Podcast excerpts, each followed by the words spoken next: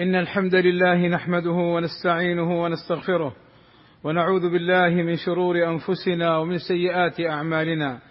من يهده الله فلا مضل له ومن يضلل فلا هادي له. وأشهد أن لا إله إلا الله وحده لا شريك له. وأشهد أن محمدا عبده ورسوله. يا أيها الذين آمنوا اتقوا الله حق تقاته ولا تموتن إلا وأنتم مسلمون. يا أيها الذين آمنوا اتقوا الله وقولوا قولا سديدا يصلح لكم أعمالكم ويغفر لكم ذنوبكم. ومن يطع الله ورسوله فقد فاز فوزا عظيما.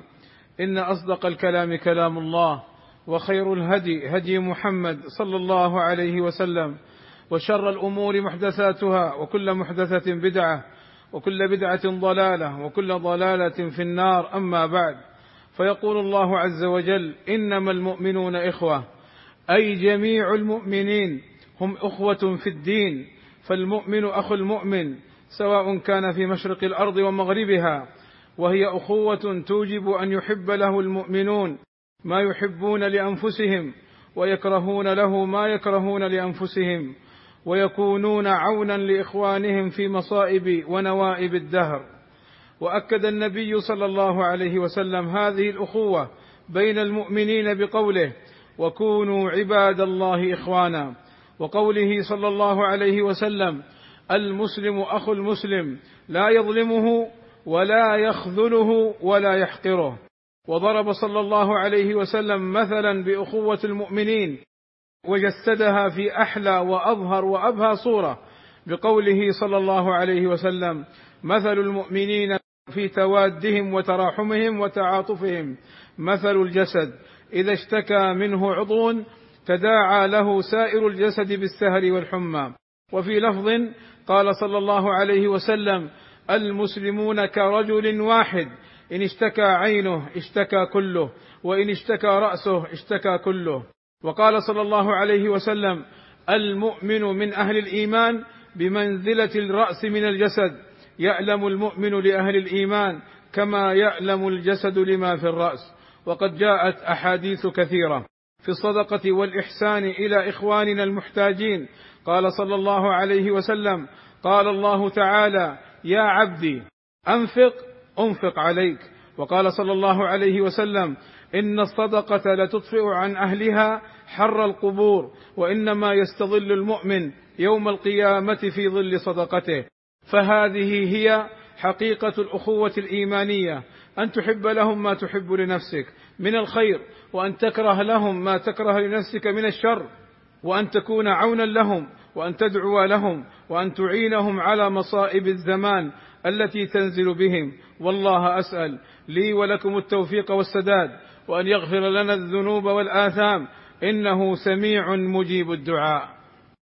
الحمد لله رب العالمين والصلاة والسلام على المبعوث رحمة للعالمين وعلى آله وصحبه أجمعين. عباد الله لقد أخبرنا رسولنا الكريم صلى الله عليه وسلم أن من أراد أن يستريح في الآخرة ومن أراد أن ييسر عليه في الآخرة ومن أراد أن يكون الله في عونه فليكن منه ذلك في أخيه المؤمن في الدنيا.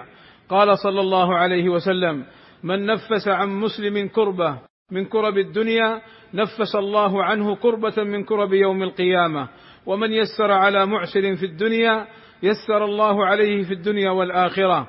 ومن ستر على مسلم في الدنيا ستر الله في الدنيا والآخرة. والله في عون العبد ما كان العبد في عون أخيه.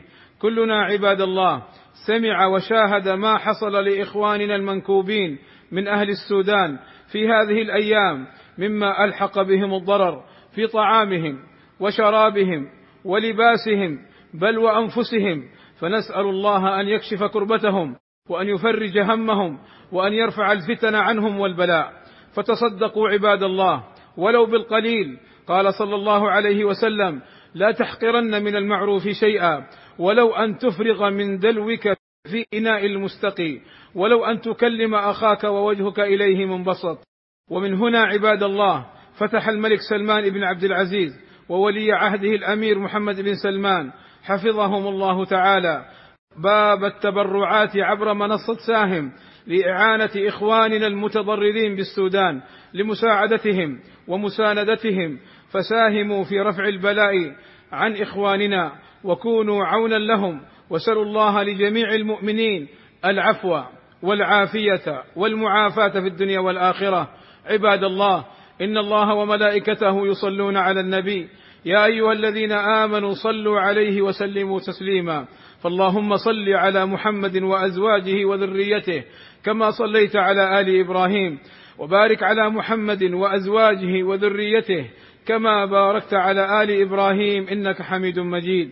وارض اللهم عن الخلفاء الراشدين أبي بكر وعمر وعثمان وعلي وعن جميع أصحاب النبي صلى الله عليه وسلم وعنا معهم بمنك وكرمك يا أكرم الأكرمين. اللهم آتنا في الدنيا حسنة وفي الآخرة حسنة وقنا عذاب النار. اللهم فرج همومنا واكشف كروبنا ويسر أمورنا. اللهم اغفر للمسلمين والمسلمات والمؤمنين والمؤمنات الأحياء منهم والأموات.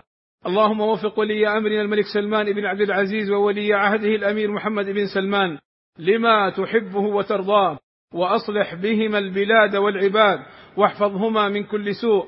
اللهم أيدهما بتأييدك ووفقهما بتوفيقك وأعز بهما الإسلام والمسلمين. والصلاة والسلام على المبعوث رحمة للعالمين. والحمد لله رب العالمين.